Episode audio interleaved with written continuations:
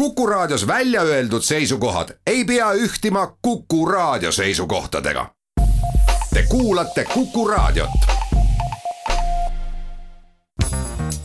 järjejutt. George Orwell, Birma päevad. tõlkinud Maarja Maasikas Postimehe kirjastuselt. järjejutt. Upõjin Ülem-Birma Tšioktada allpiirkonna magistraat istus verandal. kell oli alles pool üheksa, kuid et oli aprillikuu, võis õhus juba aimata pikkade lämbete keskpäevatundide ähvardavat lähedust. ajuti puhuvad nõrgad, vahelduseks jahedalt paitavad tuuleiilid liigutasid räästa-alustest alla rippuvaid äsja kastetud orhideesid orhideede vahelt paistis kõverik tolmuse tüvega palmipuu ja selle tagant kirgas sinine taevas. taevalael, nii kõrgel, et valus vaadata, tiirlesid ainsatki tiivalööki tegemata üksikud raisakotkad.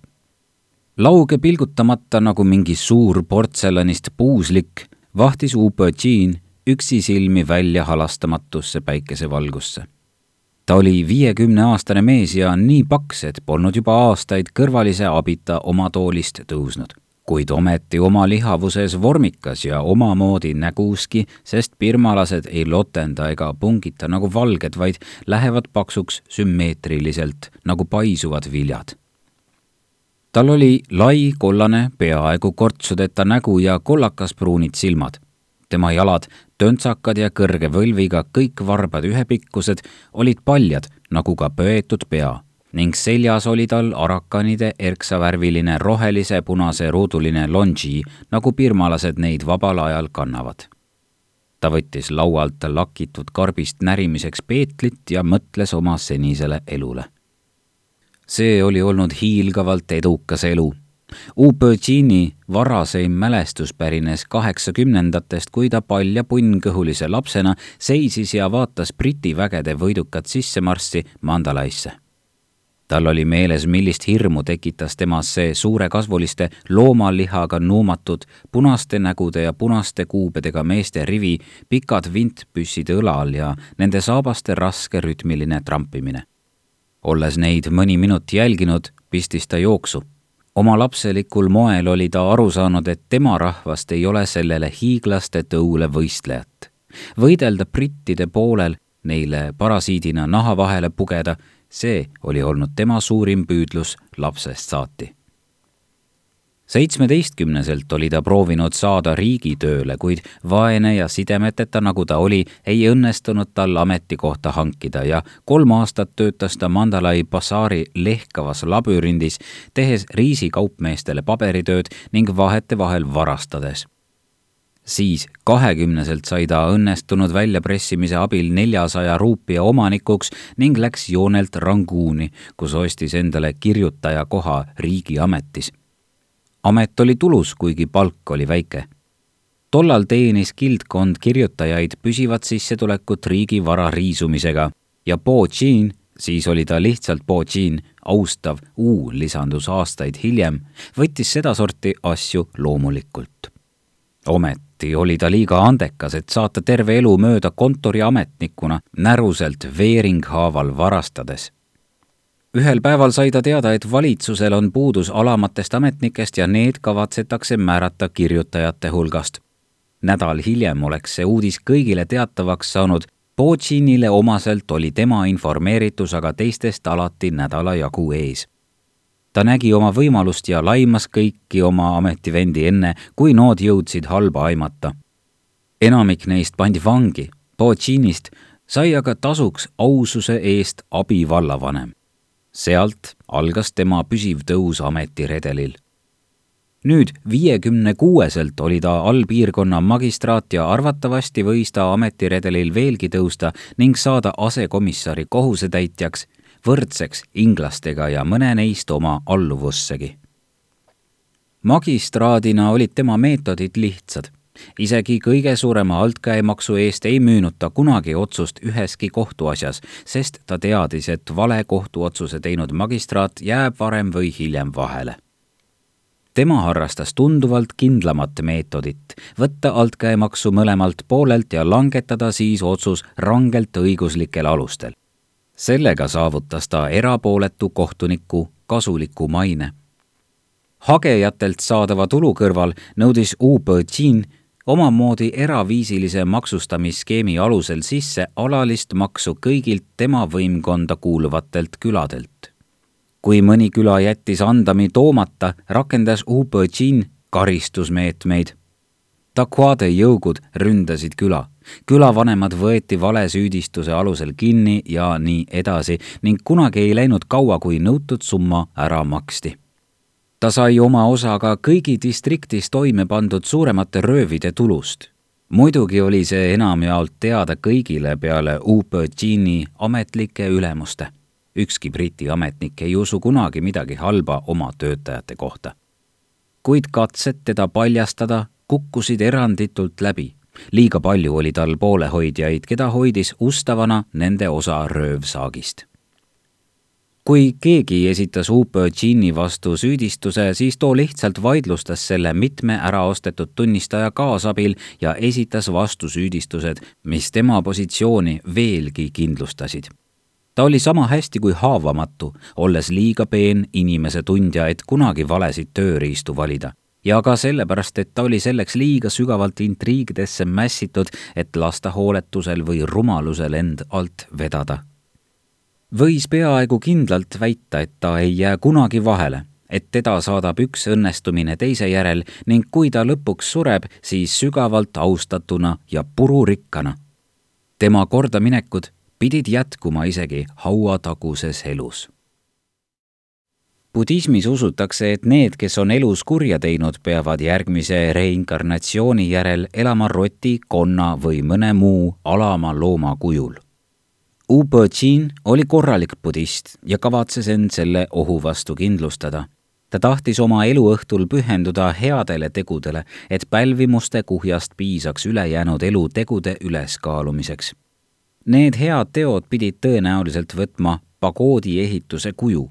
neli pagoodi või viis, kuus, seitse, küll preestrid ütlevad mitu.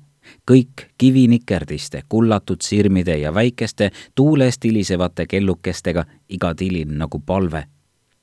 maa peale naaseb ta inimese kujul ja mehena, sest naine on umbes samaväärne roti või konnaga või halvimal juhul mõne väärika loomana, näiteks elevandina kõik need mõtted voolasid Ubõdžini peast läbi hoogsalt ja enamasti piltidena. Tema aju, olgugi kavalust täis, oli üsna barbaarne ja töötas alati mingi kindla eesmärgi nimel. lihtsalt mõtisklemine ei tulnud tema puhul kõne alla. nüüd oli ta oma mõtetega jõudnud sinna, kuhu need pididki jõudma asetanud väikesevõitu, kolmnurkse kujuga käed tooli käetugedele, pööras ta end pisut ja hõikas hingeldades Pataik, hei, Pataik! Ubõdžini teener Pataik ilmus veranda helmes kardina vahelt nähtavale. ta oli väikest kasvu, rõugearmiline, kartliku ja näljasevõitu näoilmega mees. palka Ubõdžin talle ei maksnud, sest ta oli süüdi mõistetud varas, kelle üksainus sõna võinuks vangi saata. Lähemale astudes kummardas Pataik nii sügavalt, et tundus, nagu liiguks ta tagurpidi pühim jumalus, ütles ta küsivalt, kas keegi ootab minuga kokkusaamist, Pataik? Pataik luges külastajad sõrmedel üles. Teie kõrgeausus, seal on Titpingji külavanem, kes tõi kingitusi ja kaks külaelanikku, kelle kallaletungi asjas teie kõrgeausus kohut mõistab ja kes tõid samuti kingitusi asekomissari kantselei ülem Kopa Sein soovib teiega kohtuda, siis veel politseikonstaabel Ali Shah ja üks Takwa, kelle nime ma ei tea. Minu meelest on teil tüli mingite varastatud kuldvõrude pärast. veel on seal üks lapsega külatüdruk. mis tal vaja on? küsis Ubõdžin. ta väidab, et see on teie laps, pühim jumalus. ah nii, ja kui palju külavanem tõi? Pataik arvas, et ainult kümme ruupiat ja korvitäie mangosid. ütle külavanemale, lausus Ubõdžin, et tuleb tuua kakskümmend ruupiat ja kui raha homseks siin pole, tuleb temal ja tema külal pahandusi. Teistega kohtun kohe. saada Kopasein siia minu juurde. Pa Sein ilmus hetke pärast. ta oli sirge, rühi ja kitsaste õlgadega mees, pirmalase kohta väga pikka kasvu, veidralt sileda näoga, mis meenutas kohvitarretist. Upõtšin pidas teda kasulikuks tööriistaks kujutlusvõimetu ja töökas, oli ta suurepärane ametnik ning asekomissar MacGregor usaldas talle suurema osa oma ametisaladustest. oma mõtetest heas tujus tervitas Upõtšin Baseini laia naeratusega ja viipas Peetli karbi poole. noh, Ko Basein, kuidas meie asi edeneb? ma loodan, et nagu ütleks armas härra MacGregor, Upõtšin läks üle inglise keelele, It is making perceptible progress Bassein ei muianud selle väikese nalja peale. jäiga ja sirgeselgsena vabale toolile istudes vastas ta. suurepäraselt, söör. lehenumber saabus täna hommikul. olge nii lahke, heitke pilk peale ta tõi lagedale kakskeelse ajalehe pealkirjaga Birma patrioot. see oli haletsusväärne kaheksaleheküljeline narts, trükitud paberile, mis oli niisama kehv kui kuivatuspaber, sisuks osalt Rangoon Gazetist varastatud uudised ja osalt viletsad rahvusliku sisuga kangelaslood viimasel leheküljel oli trükipress libisenud ja jätnud terve lehekülje pigimustaks, justkui leinates lehe väikest trükiarvu artikkel, mis UPÖ-Džinni köitis, oli hoopis teine tera. see kõlas nii. mis võiks neil õnnelikel aegadel, kui meie, vaesed mustanahalised, tunneme rõõmu võimsast lääne tsivilisatsioonist ja selle arvukatest hüvedest, nagu kinematograaf, kuulipilduja, süüfilis ja nii edasi, olla innustavam kui meie Euroopa heategijate eraelu seetõttu usume, et meie lugejatele võiks huvi pakkuda, mis toimub sisemaal Tšioktada distriktis. eriti aga nimetatud distrikti lugupeetud asekomissari härra MacGregori elus. härra MacGregor on sedasorti vana hea Inglise härrasmees, nagu neid praegustel õnnelikel aegadel nii palju meie silme ees leidub ta on perekonnainimene, nagu ütlevad meie armsad Inglise onupojad. härra MacGregor on vägagi perekonnainimene koguni niivõrd, et Tšioktada distriktis, kus ta on olnud ühe aasta, on tal juba kolm last ja eelmisse Švemjo distrikti jäi temast maha kuus väikest järglast. ehk ei ole härra MacGregor tähele pannud, et ta on jätnud need põngerjad täiesti toetuseta ja et mõnda nende emadest ähvardab nälg ja nii edasi ja nii edasi ja nii edasi järgnes veel terve veerg samasugust juttu ja nii armetu, kui see ka polnud, ülejäänud lehe tasemest oli see kõvasti kõrgemal. Upõtšin luges artikli hoolega läbi, hoides lehte käsivarre kaugusel. ta oli kaugelenägelik ja muigutas mõtlikult huuli, nii et paljastus terve hulk väikesi veatuid peetlimahlast punaseid hambaid. toimetaja saab selle eest kuus kuud vanglat, ütles ta viimaks tal on ükskõik. ta ütleb, et võlausaldajad jätavad ta rahule ainult siis, kui ta vangis on. ja sa tahad öelda, et sinu väike kirjutaja õpipoiss Laap B kirjutas selle artikli täitsa ise? väga tark poiss, väga palju tõotav poiss. ära tule mulle enam ütlema, et need riigikoolid on aja raiskamine. Laap B saab kindlasti kirjutaja koha. Te arvate siis, et sellest artiklist piisab, söör? Upõtšin ei vastanud kohe tema suunast oli hakanud kostma ähkivat ja puhkivat äginat. ta tegi katset end jalule ajada. see heli oli Paat Aikile tuttav. ta ilmus Helmeskardina tagant välja ning Upõtšini kahelt poolt kaenla alt toetades vinnasid nad ta koos Baseiniga jalule. Upõtšin seisis hetke, tasakaalustades oma kõhuraskust jalgadel, nagu kalavedaja sätib oma kandamit. siis viipas ta Paat Aikile, et too lahkuks ei piisa, ütles ta vastuseks Basseini küsimusele. mitte mingil juhul ei piisa. teha on veel palju, aga algus on hea. kuula. ta läks veranda piirde juurde, et erkpunane peetlisuu täis välja sülitada ja asus seejärel lühikeste sammudega, käed seljal, verandat möödma. tohutute kintsude hõõrdumine pani ta kergelt vaaruma käigu pealt hakkas ta rääkima riigiametnike labases žargoonis, mis oli kokku segatud birmakeelsetest tegusõnadest ja ingliskeelsetest abstraktsetest väljenditest. vaatame seda asja nüüd algusest peale. meil on plaanis läbimõeldud rünnak doktor Verasvami vastu, kes on tsiviilarst ja vangla komandant. me mustame teda, hävitame ta maine ja lõpuks teeme ta igaveseks maatasa. sellest kujuneb üsna delikaatne operatsioon. jah, söör, mingit riski ei ole, aga me ei tohi kiirustada siin pole asi mingis haledas kontoriametnikus või politseikonstaablis. me tegutseme kõrge ametimehe vastu ja kõrgete ametimeestega, isegi kui nad on indialased, käivad asjad teisiti kui kontoriametnikega. kuidas käib kontoriametnikust lahtisaamine? lihtsalt süüdistus, paarkümmend tunnistajat, vallandamine ja vangimaja. siin nii ei saa tasa ja targu on minu retsept. ei mingit skandaali ja ennekõike ei mingit ametlikku juurdlust. ei tohi esitada mingeid süüdistusi, millele saab vastata ja ometi pean ma kolme kuuga iga Tšaktadas viibiva eurooplase pähe istutama veendumuse, et see arst on lurjus. milles ma võiksin teda süüdistada? Altkäemaks ei kõlba. arstile ei anta märkimisväärset altkäemaksu, aga milles siis? võib-olla saaks korraldada vanglamässu, ütles Baasein. komandandina jääks süüdi arst. ei, liiga ohtlik. Pole vaja, et vangivalvurid hakkaksid huupi püsse paugutama, pealegi läheks see kalliks maksma. ilmselt jääb siis üle ebalojaalsus, natsionalism, õõnestustöö eurooplasi tuleb veenda, et arstil on ebalojaalsed brittide vastased vaated. see on tunduvalt hullem kui altkäemaksu võtmine pärismaalastest ametnikelt eeldataksegi altkäemaksu võtmist.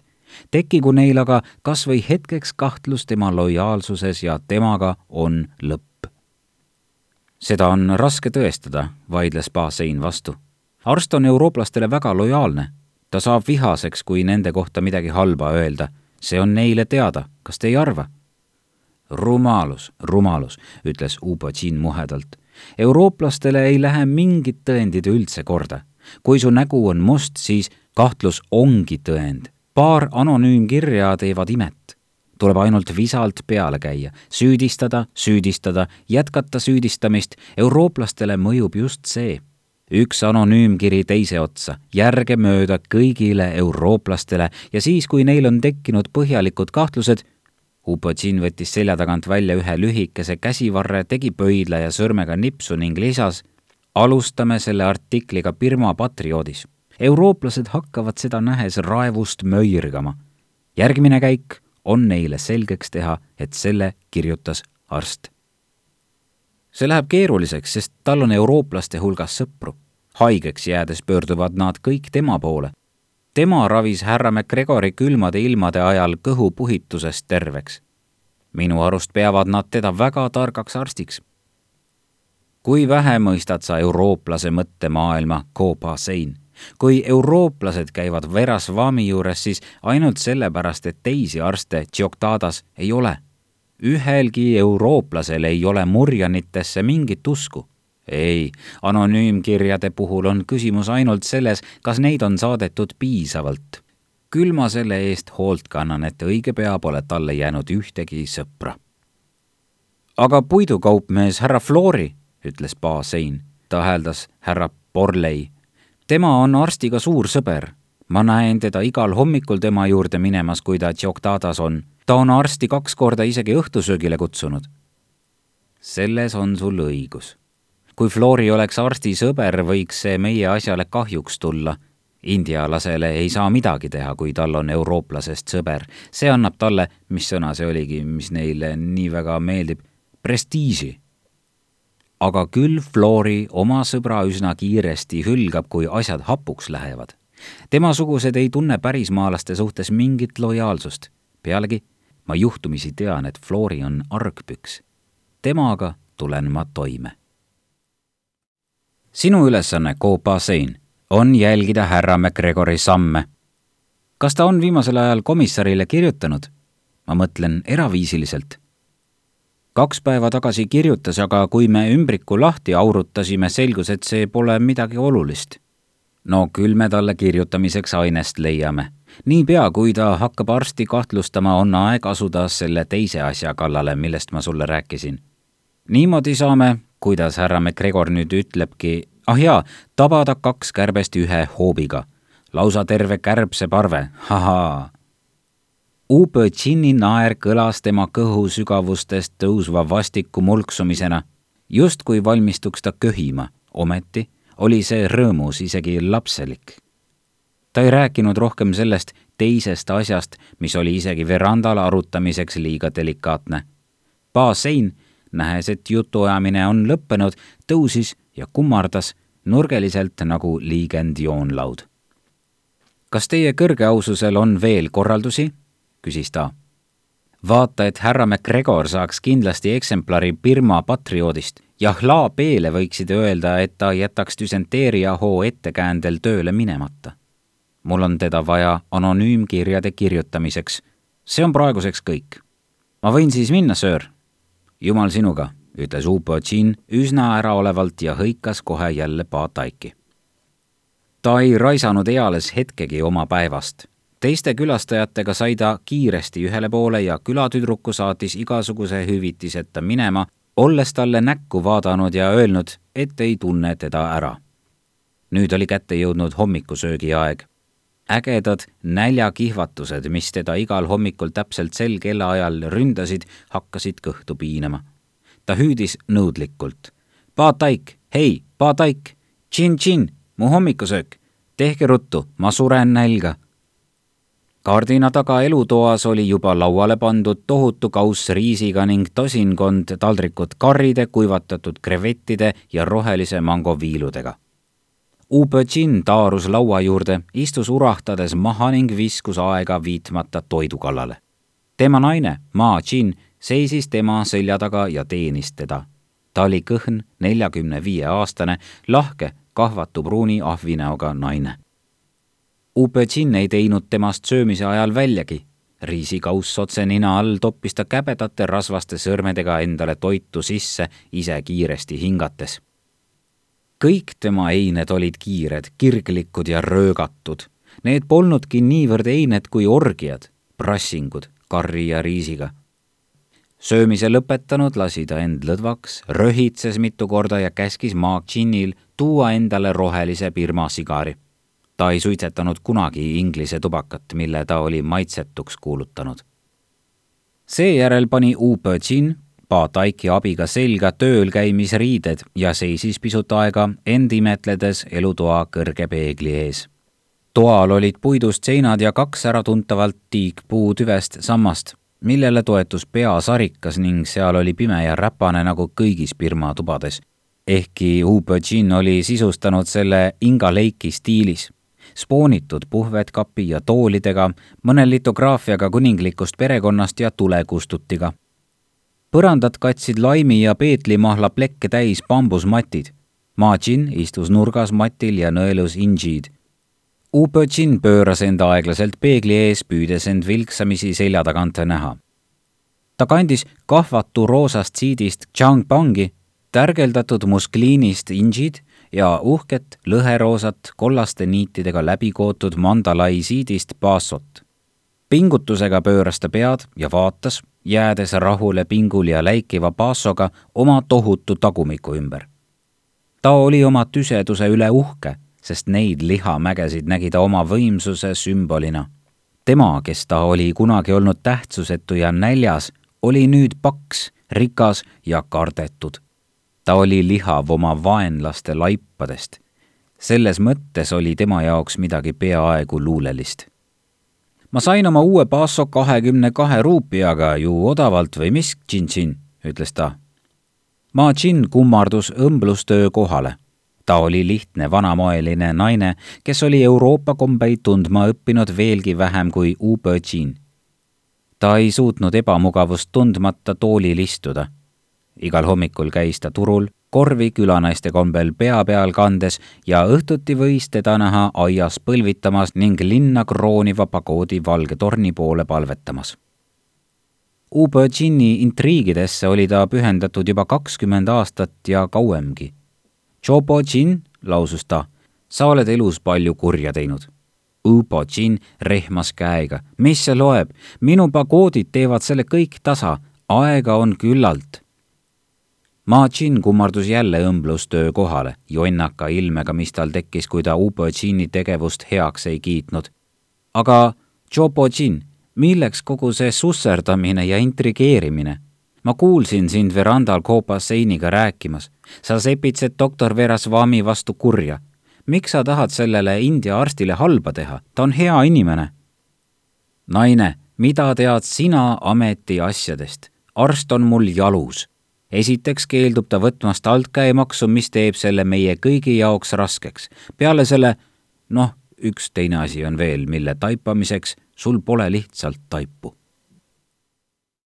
umbes sel ajal, kui Upo Chin alustas oma hommikusi toimetusi, lahkus puidukaupmees ja doktor Verasvami sõber härra Borley oma kodust, et minna klubisse Flori oli umbes kolmekümne viie aastane keskmist kasvu ja mitte kehva kehaehitusega mees.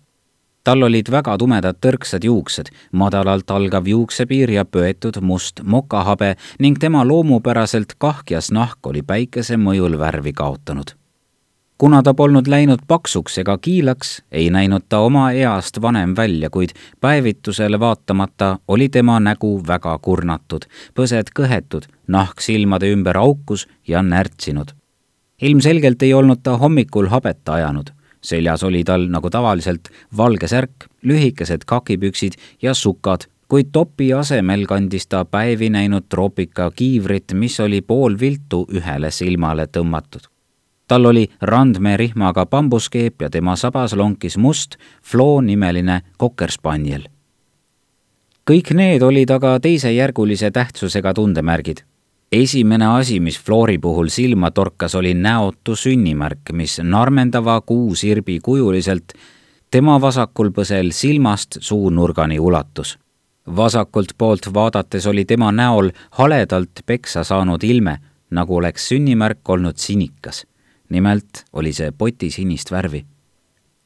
ta oli selle inetusest täiesti teadlik.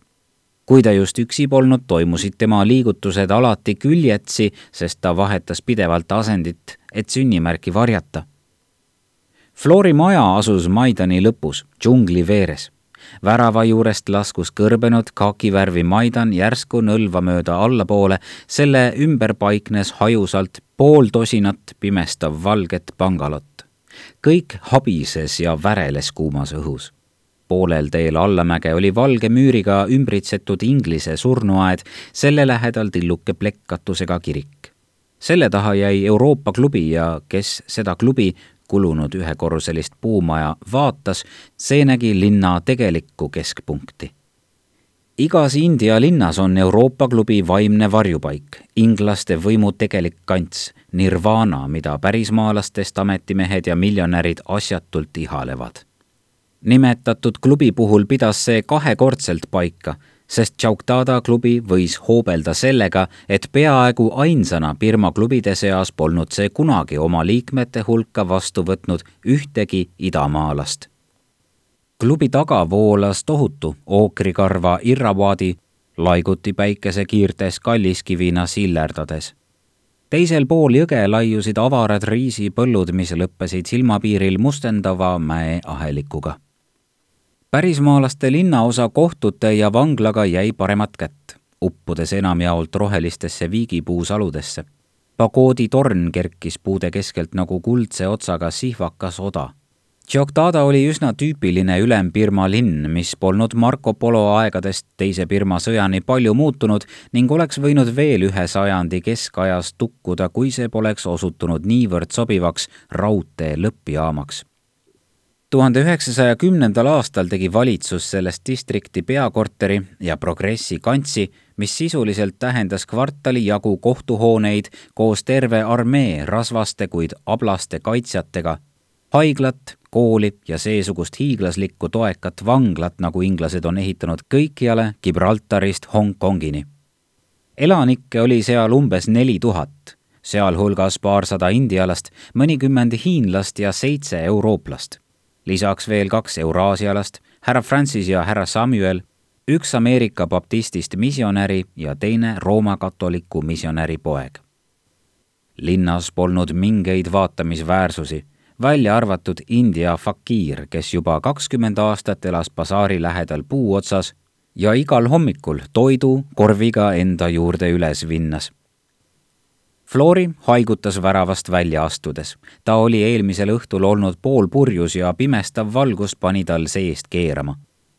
neetud urgas, mõtles ta künkast alla vaadates ja kuna kedagi peale koera läheduses polnud, hakkas ta mööda tulist punakat teerada alla minnes ja jalutuskepiga kuivanud rohtu vemmeldades püha, püha, püha oo, küll sa oled püha, viisil kõva häälega laulma neetud, neetud, neetud, oo, küll sa oled neetud.